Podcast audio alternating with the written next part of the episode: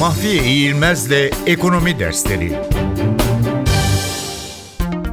Kağıt Para İlk kağıt para 806 yılında Çin'de ortaya çıkmıştır. Batı'da kağıt paraların basılması ve kullanılması 17. yüzyılın sonlarına rastlar. Bazı kaynaklara göre kağıt para ilk kez Londra kuyumcuları tarafından çıkarılmıştır. Kuyumcular işledikleri değerli metalleri saklayabilmek için gerekli güvenli yerlere sahip olduklarından halk da kendi sahip olduğu madeni sikkeleri, altını ve gümüşü muhafaza etmesi amacıyla kuyumculara bırakmaya başlamış.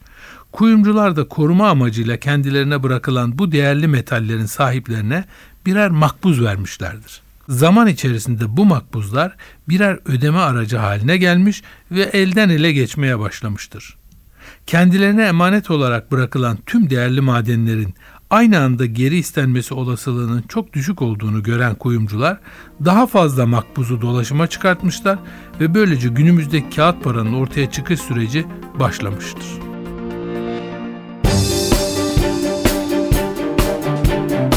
Mahfiye İğilmez'le Ekonomi Dersleri